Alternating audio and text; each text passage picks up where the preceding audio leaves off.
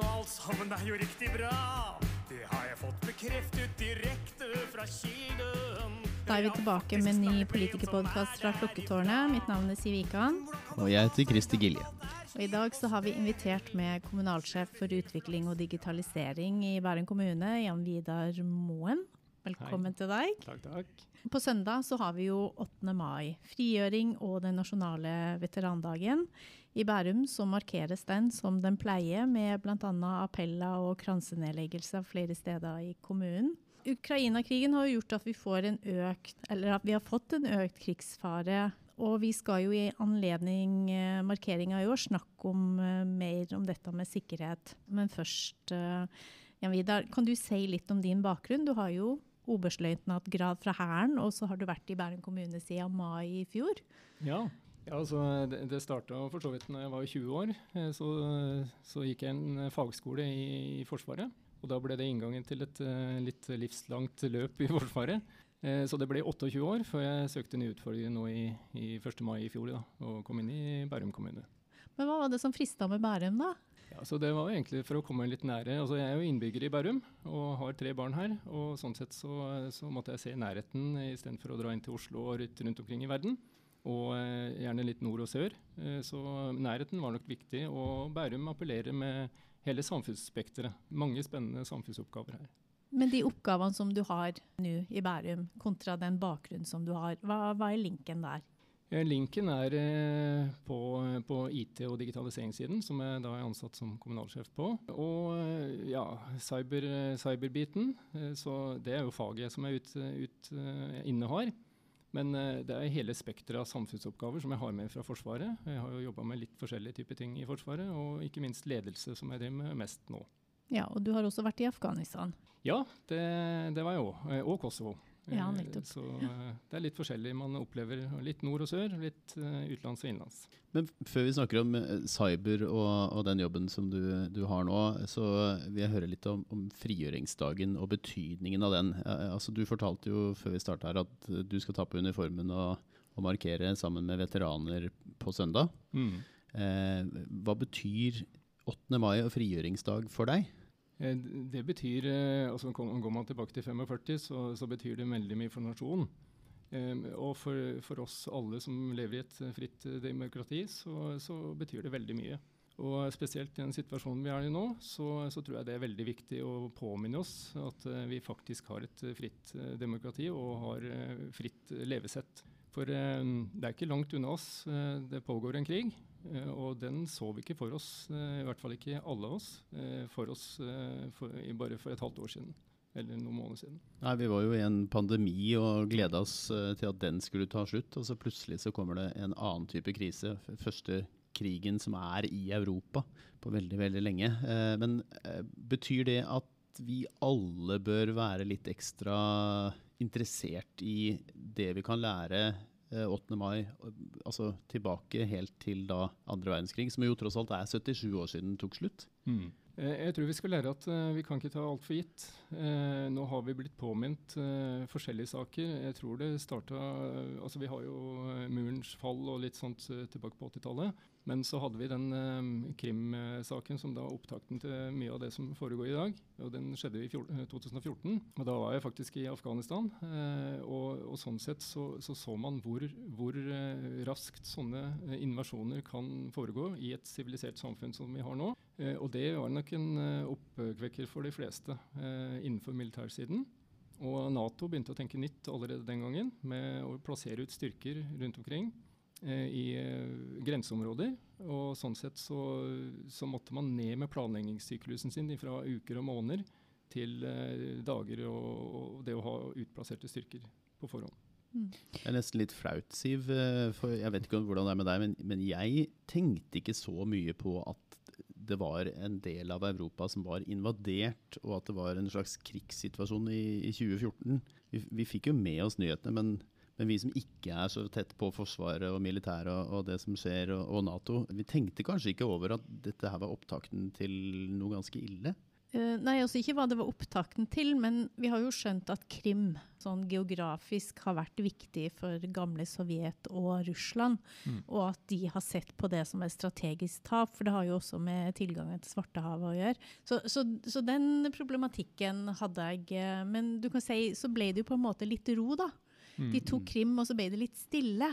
Så eh, det som jeg satt og følte på, liksom 24 Vi har akkurat runda avslutningsseremonien på OL, 14 dager. Og så går det tre-fire dager, eller sånt, så, så, er det i gang. Og jeg tror vi ble tatt litt sånn på senga. Eh, det var en litt sånn overraskelsesmoment. Mm. For det ble litt sånn som pandemien. Vi har planer, vi har analyser, og vi har tanker på hvordan vi skal håndtere når situasjonen kommer. Mm. Men når han faktisk kommer, så, så, står vi litt der og ser på hverandre. Hva skjedde nå? Ja. Og, og, det følte jeg liksom var litt eh, med, med det som skjedde med, med Ukraina. Mm. Jeg hadde en periode i Forsvarsstaben eh, ikke så lenge siden. Eh, og da jobba jeg sammen med en som har vært ute i media, som da, har vært attaché i eh, Ukraina. Og han fortalte jo dette her at han advarte oss om at det skjedde ting som vi burde tenke på eh, allerede for et par år siden. Og si at her må vi være på vakt, her kommer det til å skje noe. Han fikk lov å snakke i noen fora, men det var liksom ikke så interessant. Han fikk det, snakke litt i lunsjen og sånn. Men så han, eh, han, har jo nå virkelig fått innblikk i altså vi har fått innblikk i hans tanker da, over hvor stor krisen egentlig var der ute. For det er nettopp som du sier, Siv, at uh, den Krimhalvøya er veldig strategisk hvis man tenker militært. Uh, så, uh, så, det å gi opp en sånn havn, da, da har man en kamp på nebb og klør for å beholde den. For ellers så hadde man tapt mer og mer terreng. Og så ser man at den konflikten har jo vart egentlig i Ukraina eh, fram til i dag. Så dette er på, en måte en eskalering av den saken som allerede starta da. Jeg, jeg, føler at vi kanskje her i Vesten og Norge og kanskje Skandinavia har en liksom manglende forståelse for den russiske historien på hvorfor de går så hardt, og hvorfor de ikke gir seg, og hvorfor det her er så viktig. Mm. For vi tenker kanskje litt mer sånn overfladisk, og kan de ikke bare la folk være i fred? Ja. Altså, det er jo litt den der vanlige tankegangen. Hva er problemet? Ja. Men man må på en måte, som du var inne på, Christer, det der med den historien og hvorfor og hvordan uh, Russland så Hvorfor 9. mai er så viktig for de, ref. Uh, avslutninga på andre verdenskrig. og Det var jo ikke bare sånn at de vant andre verdenskrig, men det var jo også fascismen de slo ned. Mm. Og ref. deres ideologi, så har det kanskje en helt annen betydning eh, mm. i forhold til det, sånn som vi ser på det. En kan jo kanskje se tilbake til eh, tida før andre verdenskrig, hvor eh, det jo også var sånn at det var, var to ideologier som eh, en, var, eh, som en frykta i Vest-Europa. Det var jo både kommunismen og, og Sovjet, eh, som en så på som en trussel, og nazismen og Tyskland. Mm. Eh, og det kan kanskje også ha noe å si at russerne sin historie Der er det en frykt eh, hos dem også for at de er fienden til ja. store deler av Europa. Eh, men det, er ikke noe vi kanskje har tenkt så mye på etter at den kalde krigen tok slutt, men, men det lever vel der fortsatt. Og dermed så, så, er det samme tankegangen som Hitler kanskje hadde, da, at eh, det handler om å ha nok land rundt seg mm. eh, for å, å, ha makt og posisjon og, overfor andre. Ja. Det som er litt spennende, er at militærmakt er bare én av fire maktmiddel man kan bruke hvis man skal overta og overtale noen. Uh, så dette er jo en strategisk kamp som, som russerne nå kjører. og de har jo en plan om å Eh, nå forsiktig med det, men eh, de, de, kan ha en plan om å samle noen som samler riket sitt. Um, og strategisk virkemiddel uh, Vi trodde ikke i Vesten at det gikk an å, å kjøre krigføring som de gjorde på 30-tallet, med å invadere på den måten som russerne gjør nå. Den tar jeg på egen kappe, men jeg har tenkt mye på det. For man så for seg en helt annen krigsbilde, der man gikk inn med mer sånn grønne, grønne menn osv., så videre, sånn som de egentlig gjorde i, på Krim i starten. Eh, mens nå er det ikke fordekt engang, og man føler på en måte ingen skam med å, med å valse inn med ganske uetiske eh, virkemidler. Og så blir man fordømt, og man blir sanksjonert, men eh, på en måte så, så greier man å holde tilbake. Hva, hva, betyr det å gå inn med grønne menn? At eh, en ikke har med seg så mye våpen og artilleri, eller hva, hva, tenker du da? Nei, altså det som er at de, Den informasjonen vi fikk eh, når de gikk inn eh, i, på, på Krim osv., det var at eh, de, de, kom inn uten navnemerker, altså, eller nasjonsmerker, og gikk inn bare som Jeg vet ikke hva jeg skal si. De, de blir kalt grønne menn. Eh, som da bare gjorde en del sabotasje og, og, og begynte å, å, kverne samfunnet innenfra. Så, så sånn sett så, så, var det ikke en innovasjon. Man kunne ikke definere det sånn. Og, og, og da blir det vanskelig å si at det, det har tråkka over en terskel, og at det er en krig. en slags soldater som ikke er soldater, rett og slett? Eller fordekt krigføring, egentlig. Det blir jo sånn skjult. Ja, ja det, det, blir på en måte det. Og da blir det vanskelig å si at nå har det gått over terskelen, nå er det krig. Men så, så, så har vi også sett at det, det, det, hjelper egentlig ikke noe med å, med å blåse opp og si at det er krig heller, for samfunnet blir litt lamma og si at uh, vi, vi, har ikke virkemiddel til å gå inn og, og, og stoppe dette, for om du ser all elendigheten i, i Ukraina. da. Før du tråkker over en Nato-terskel, mm. eventuelt. Men jeg har tenkt litt på um, det her eh, sosiale medier og si, kamera på telefonene osv. gjør jo at vi får en innsikt i en krigføring som vi aldri før har fått. Mm. På samme måte. Man, uh, og i det momentet så ser vi også at det blir laga falske propaganda. eh. Ja. For, for, å, vri det i en, en, eller annen retning for å få sympati hos befolkninga. Og måten Russland eh, ikke tillater utenlandske uh, nyhetsvinklinger, da. Mm. Og det er jo med på Det er jo en ganske skummel vei tenker jeg. Altså, kanskje mer skummelt enn noe. Ja, Da er du egentlig litt inne på mitt fagfelt da, med digitalisering. Eh, og ikke, jeg er ikke fagfeltet sosiale medier, men, eh, men, hvordan man bruker teknologien i dag. Eh, og Du ser jo på eh, presidenten i Ukraina òg, hvordan han bruker, og, og, bruker sosiale medier for å oppnå det han eh, altså, med medlidenhet og, og, og kraft.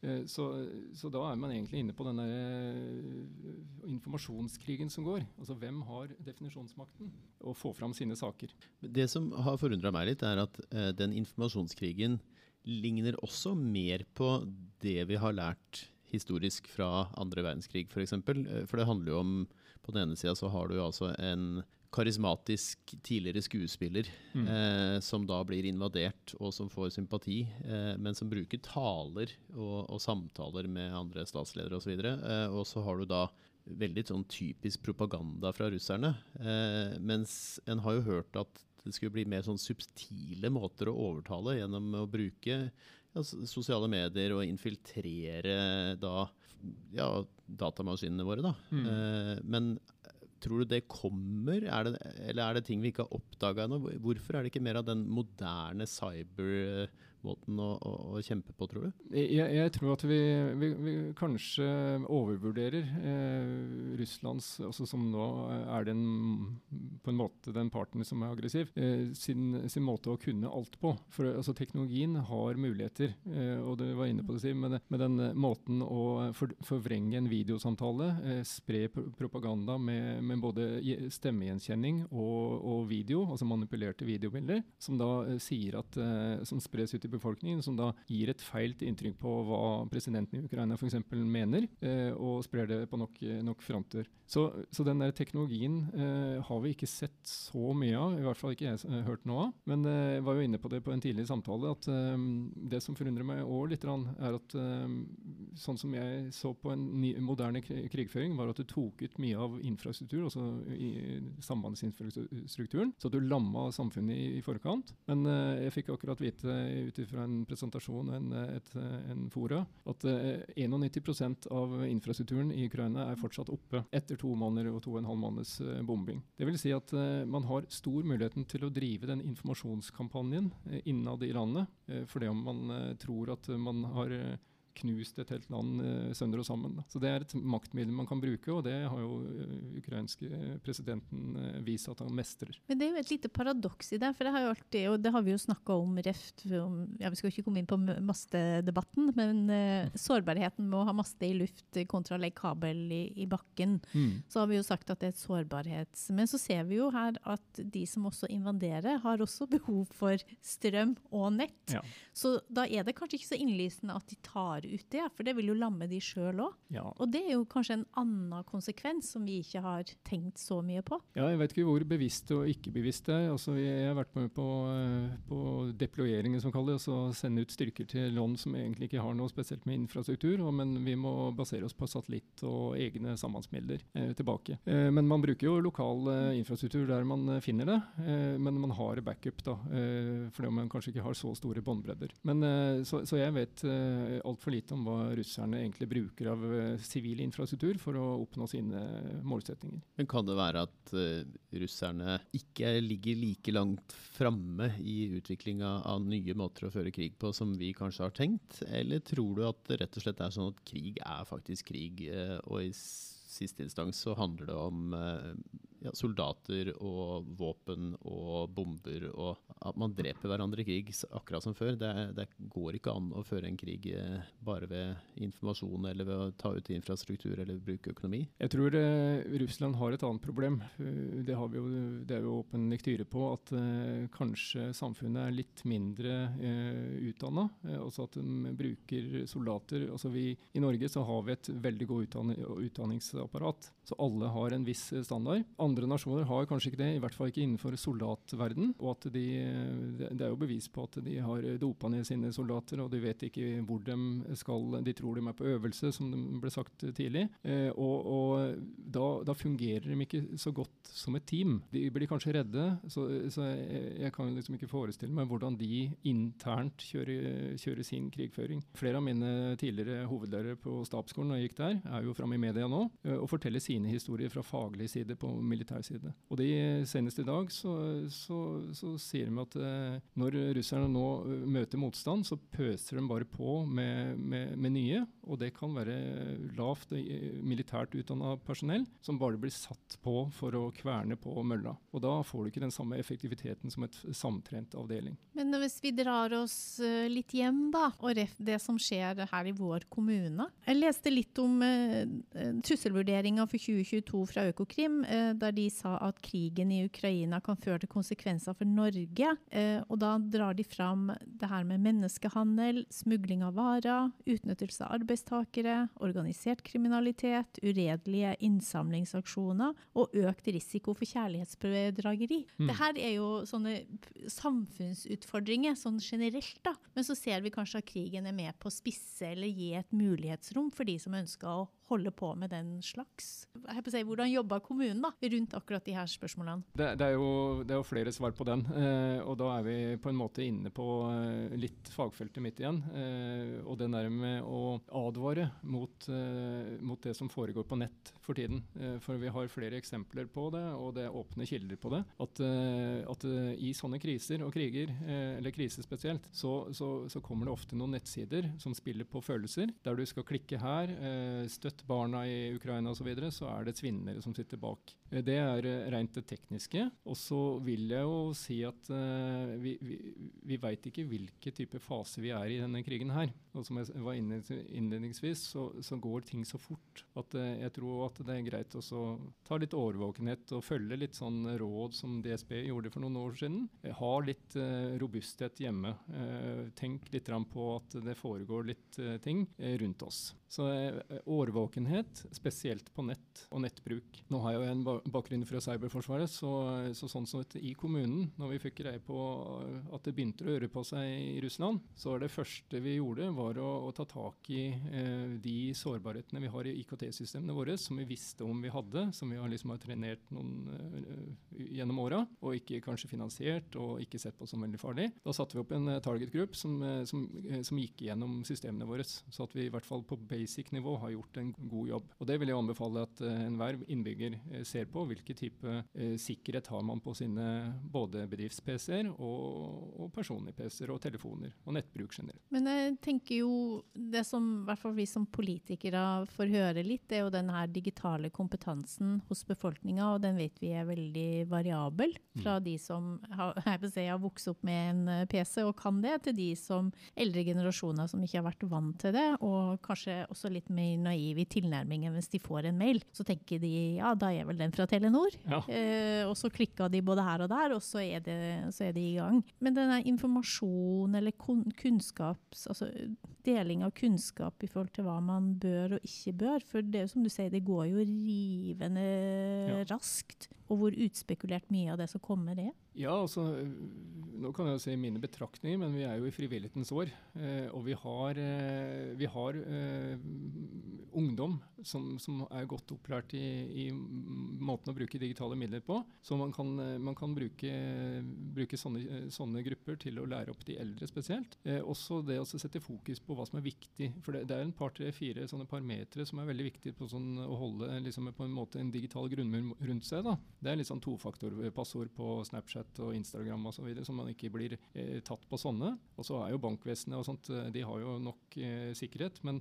der òg ser vi svindelforsøk som, eh, som blomstrer opp. Så eh, jeg så vel senest i dag en, en rapport fra, fra et sånn sikkerhetsfirma at etter krigen i Ukraina så tror jeg det var 200% økning på, på cyberangrep mot uh, forskjellige instanser. En ting er å være, sikre seg mot det, men når det gjelder selve krigen, så leste jo nettopp i Aftenposten at uh, idet det tidligere Russia Today, som nå vel heter bare RT, hadde lagt ut en påstand om at Polen vurderte å invadere Ukraina, så gikk det noen få minutter, og så var det ute på diverse sosiale mediekanaler i Norge, med nordmenn som da uten kilde spredte dette at visste dere det at Polen har faktisk vurdert å invadere Ukraina? Og det at den type propaganda sprer seg så fort og enkelt, hva, hva tror du det betyr? For det, er jo lettere at noen andre da stoler på noe som står på norsk fra en norsk privatperson. og Tenker oi, hvorfor har vi ikke fått lese om det i vanlige medier? Hmm kontra å lese det på RT fra Russland, på en måte? Nei, altså Generelt så vil jeg jo si at man prøver å, prøver å opp oppsøke redigerbare Altså med redaksjoner, altså media med redaksjoner. Og Sånn sett så er jo NRK det, det nærmeste vi kan uh, høre på. Og så er det de kjente avisene som kommer gjerne i, i papirformat. Men man kan jo faktisk se for seg at man får hacka en, en nettside òg, så at plutselig hele VG-forsiden blir, blir, en helt annen enn det vi trodde. Og da kunne det skape en kjempekaos hvis, hvis det hadde vært en sånn brannfakkelnyhet som sier at nå må dere evakuere eller sånt. Så, så, de har et samfunnsansvar, de som har de mediekildene, med at uh, det kan skape fort veldig mye kaos hvis det hadde kommet en sånn nyhet. Men så har jo de god datasikkerhet, men de har blitt angrepet, sånne mediekilder òg. Men vi ser jo uh, også en utfordring at de må bruke mer tid på verifisering. Når de får et tips eller at det skjer noe der ute, så kan de liksom ikke bare ta sånn som tidligere, for god fisk og herlig foreligger det en video. Mm. Da er det en sannhet. Nå må de gå inn og se om de kan verifisere de de bildene de får, for om ja. det her er ekte eller om det er manipulert. Ja. Og det er klart, Da beveger vi oss inn i en hverdag og en, en, en verden som, som, er veldig ja, lett å tråkke feil. da. Mm. Eller mistolke. Ja, og det, det, er jo det som eh, altså All informasjon gjennom tiden eh, har, har, vært sånn. Eh, og Hvis man studerer kriger tilbake osv., så, videre, så er jo det, det, er jo den rykteflommen som altså Nå har vi så mange kilder som vi kan stole på eller ikke stole på. Og mange nye, la oss si TikTok, er jo altså Forskjellige kilder appellerer til forskjellige samfunns, samfunnslag. Så de, de, eldre vil gjerne se på NRK, det er den sikre kilden, mens ungdommen ser gjerne på TikTok. Så mine 13-åringer de, de, ser ofte på det, og da er der sannheten ligger i TikTok. Ofte. så, så, hvis du skal spre noe, så, så, er det der. Da er det der du må legge inn. Jeg skjønner at det er et populært medie. Ja. Er du på TikTok?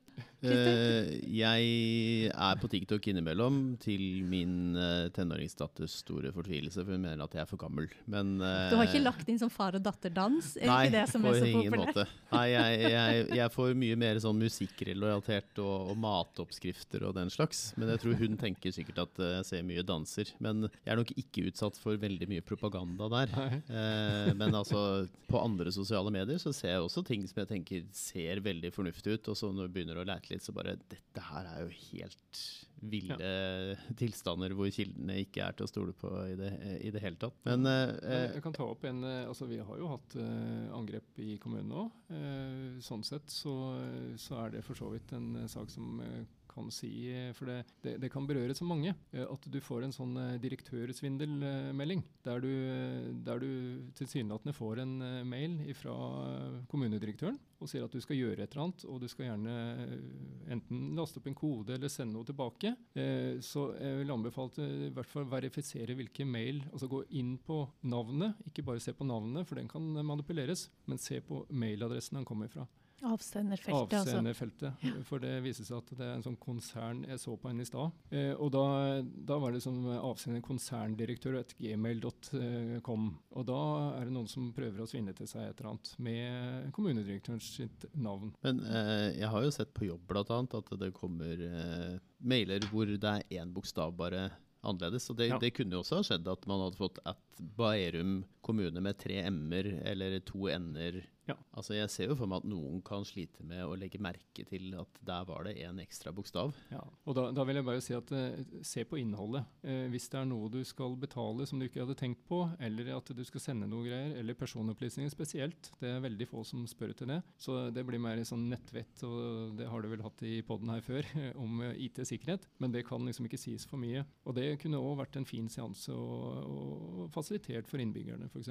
At man har kompetansen. man enten samle med andre innbyggere, eh, det er mye kompetanse i denne kommunen her, i frivillighetens år. Eh, et godt, eh, et godt, tips, for vi ser jo at de som ønsker å svindle andre, alltid ligger et, godt, et hode foran og er, ja. blir mer og mer kreative og, og utspekulerte.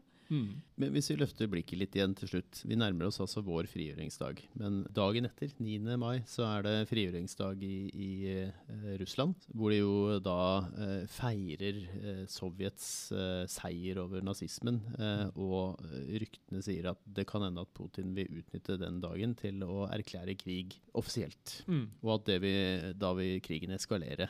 hva vil det bety Én ting er for ukrainerne, eh, hvor det allerede er krig, men er du redd for at dette kan spre seg? At, at vi må være mer på alerten for også en fysisk krig i, i andre deler av Europa, eller at det påvirker oss på andre vis også? Eh, som jeg var inne på i starten, vi, vi, vi kan ikke ta noe for gitt, tror jeg. Eh, og bare en retorikk fra den siden kan, eh, kan eh, skape, skape, ytterligere eskalering av konflikten. Jeg tenker at eh, hvis man eh, bare tråkker litt inn på Natos bed, Eh, så, så, må Nato agere. Eh, det er én ting. Og da er det på en måte krig for alle. Eh, uansett.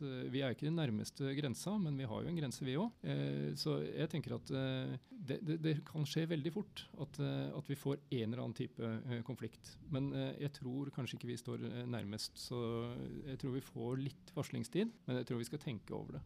For Hvis det nå f.eks. skulle falle en rakett inn i Polen, så er Nato angrepet, og da er det en annen type situasjon med en gang? Ja, så Det er jo uttalt at man skal eh, forsvare Nato-land med nebb og klør. Så det, det, er jo en politisk avveining, eller vil si en strategisk avveining for eh, Stoltenberg som sitter i Brussel. og se på hva, hva gjør jeg nå? Eh, skal jeg ta akkurat den biten? Altså Vi har hatt overflygninger av russiske fly i, på territoriet. og Sånn sett så er det på en måte en eskalering. Vi har masse cyberangrep.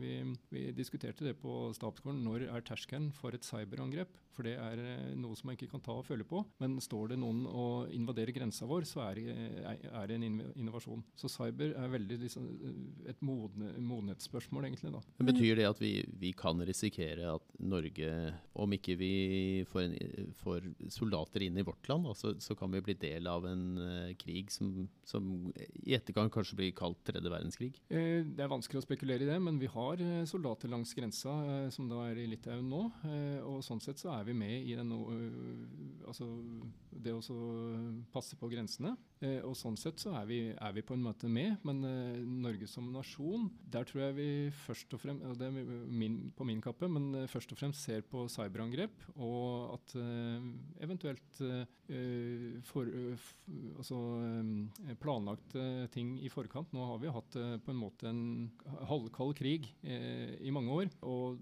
åpne trusselvurderinger fra Etterretningstjenesten og fra PST sier jo at det er celler i samfunnet vårt. Og jeg tenker at vi som så stor kommune nærme Oslo må tenke litt over ting. Eh, og det har vi gjort på beredskapssiden. Det betyr at vi, vi, må på en måte forberede oss på at Vi har vel følt veldig lenge at vi har vært frie og hatt fred. Ikke bare i Norge, men i, i landene rundt oss. Men eh, nå kan det hende at eh, Nato virkelig blir en forsvarsallianse som er nødt til å forsvare sitt område. Og, og, da er det en helt annen situasjon i kanskje i årene som kommer. Ja, så tenker jeg at eh, vi har andre, et par andre parametere òg. Det er Nato-søknaden til Sverige og, det, og Finland. Så, som jeg leste på hva har skjedd i natt på VG, så, så var det at var det USA som hadde sagt at de skal passe på Sverige under den perioden de nå skriver eventuelt eventuelt en, en søknad, for de er redd for sanksjoner, eh, sånn som jeg forsto det. Og det, det, endrer jo hele verdensbildet. Så, så, ja, i hvert fall for det nærmeste oss, da. Vi har jo grense til, til begge. Eh, og hvis de eskalerer for at de, de blir uvenner pga. en sånn signering, at du vil prøve å få dem til å avstå eh, og, og signere, så kan jo konfliktene komme nære. Ja, altså nå, Jeg kommer jo fra et parti som har vært skeptiske til Nato. Nå har det jo kommet en debatt der også eh, rundt det, men det er nok mange der som er skeptiske til eh, at svenskene og nei, eh, finnene skal melde seg inn i Nato nå. Eh, og Nå skal vi ikke ta en politisk diskusjon, vi to, men det syns jeg vi skal gjøre. Ja, det kan du godt si. Men, men nå tenker jeg altså er det, er det, med på å øke trusselbildet? Altså er, det, er det noe som, som, gjør det vanskelig for Nato dersom de skal utvide nå? Jeg, jeg syns det er litt vanskelig å si. Altså, jeg tror at uh, russerne følger med på hva som skjer. Uh, og at uh, jeg tror heller at det er en sånn der, prøve å stoppe det, enn at, det, at man går til direkte angrep på disse to. Men dette, dette, dette er litt utenfor mitt uh, fagfelt. Men uh, jeg tror de vil, uh, vil sette kikkerten på selve søknadsprosessen. Altså innenfor mitt fagfelt igjen, cyber og IKT digitalisering, så ser man at var det helt tilfeldig at Svebank var nede akkurat når de begynte med Nato-søknaden i Sverige, og at Sverige sin type VIPS var nede. Og det er det jeg tenker på de samfunnskritiske IKT- og digitaliseringssystemene vi har. Hvis noe begynner å virke eh, rart, og det er to eller tre ting som skjer samtidig, da bør man tenke seg om. Og det var nok en del som tenkte litt uh, når børsen fikk seg en kilevink uh, tidligere i uka, så viste det seg at det var et tastetrykk til en kar i London. Men uh, du hørte liksom på nyhets, de som formidla nyhetene, at det var noe mellom linjen der som de ikke ja. kunne si. da. Men det var nok noe som, som svetta litt. Men, men, det er jo også en realitet, Ref, det du sier som, som med cyber, og hvordan de her algoritmene fungerer. Ja. når ett tastetrykk kan gi, gi børsene sånt, en sånn reaksjon ja. eh, over så, så, mange land. Da. Det viser at det skal ikke så mye til. Altså Én liten endring kan ja. gjøre veldig stor Skape store problemer. Da. Men bare siste spørsmål om det med Sverige og Finland. Er det, er det rom for å, å inngå eh, bilaterale avtaler, noe annet enn et fullt medlemskap? Og kan det være strategisk smart for å ikke trigge cyberangrep eller ekte angrep i Norden? Ja, eh, ja eh, sånn sett så, så, tror jeg vi må skille de, den store Nato-søknaden med bilaterale avtaler. For det, når jeg var i Afghanistan, så var jo, eh, var jo Sverige med, eh, og Finland var jo med i våre operasjoner. Så, sånn sett så, så, er det jo eh, De er med når, det, når, de har en avtale for å være med. Så, så dette, er, dette, er, nok en litt, litt større avtale. så så avtale har jo under, under, dette her. Vi nærmer oss en, en avrunding. Og eh, En burde kanskje ikke ha en fun fact denne gangen, men eh, du har i hvert fall en, en, annerledes fact i dag, ikke sant? Jeg har en fact, og jeg har vært redd for at du skulle blåse den flere ganger. Så tenker jeg eh, det her blir kanskje litt enkelt, da. Som vi har vært inne på, Norge og europeiske landene markerer frigjøringsdagen 8. mai, men Russland gjør det 9. mai. Vet vi hvorfor? Ja, Det var vel det som du var inne på, at det er to forskjellige datoer. Tilfeldigvis var det en dag før. Men uh, du har sikkert noe lurt. Det er en grunn til det. Ja. Var altså, da tenker jeg jo på en måte at de, nei, de tyske styrkene må ha stått i Russland lenger. Men kan det være noe mer komplisert, holdt jeg på å si? Eller mindre komplisert? Ja da, det er mindre komplisert, for uh, krigen var ferdig uh, eh, 8. mai. Men uh, pga. tidsforskjellen mellom landene. For Russland har jo 11, eller så gamle Sovjetunionen da, ah. har jo 11 tidssoner. Og når du tar helt Eh, nord i Eller den sonen som ligger lengst unna oss, da, mm. så blir det datoforskyvning. Så det er grunnen til at de har 9. mai. Så de tok et mellom, eh, mellomskritt der, altså. Så, for du har jo noen som har det samme som oss òg. Mm. Da fikk de tatt hele Russland. Ja. Og da kan jeg legge til at jeg, min sønn er veldig opptatt av andre verdenskrig, og han fortalte i helga at den aller siste soldaten som kapitulerte, jeg tror det var i 1978, det var vel eh, noen japanere på noen øyer som de rett og slett ikke fikk gitt beskjed til, for de gjemte seg og, og holdt det gående eh, helt fram til da. Og Det er jo på en måte litt komisk, og så er det litt trist å tenke at de, de satt der og de, de, fikk ikke beskjed om at krigen var over. Det er utholden, da. De, ikke, de, hadde ikke lyst til å titte. Jeg tror de ville ha titta litt frem og tatt en sjekk. ikke sant. Ja. Men eh, da sier vi tusen takk til deg igjen, Vidar. Det var veldig hyggelig at du, du kom og delte litt med, med din kunnskap. Dette er jo sikkert et tema som vi kommer til å komme tilbake til eh, flere ganger. Og for de som hører det før søndagen er omme, så er det altså i, i, altså i Bærum er det i Sandvika, ved Grini og ja, diverse steder hvor det er eh, mm. markeringer eh, i løpet av frigjøringsdagen. Jeg vil jo si takk til eh, veteranene på den dagen. Jeg skal jo selv eh, prøve å være med på et annet eh, arrangement her i rådhuset og kle på meg en uniform, tenker jeg. Det er en fin, fin dag å markere, og det er jo veldig viktig for de. Vi Mm. hadde jo i et par i podden i fjor. Da får vi si til lykke med dagen. Takk. Ha det bra. Ha det, ja.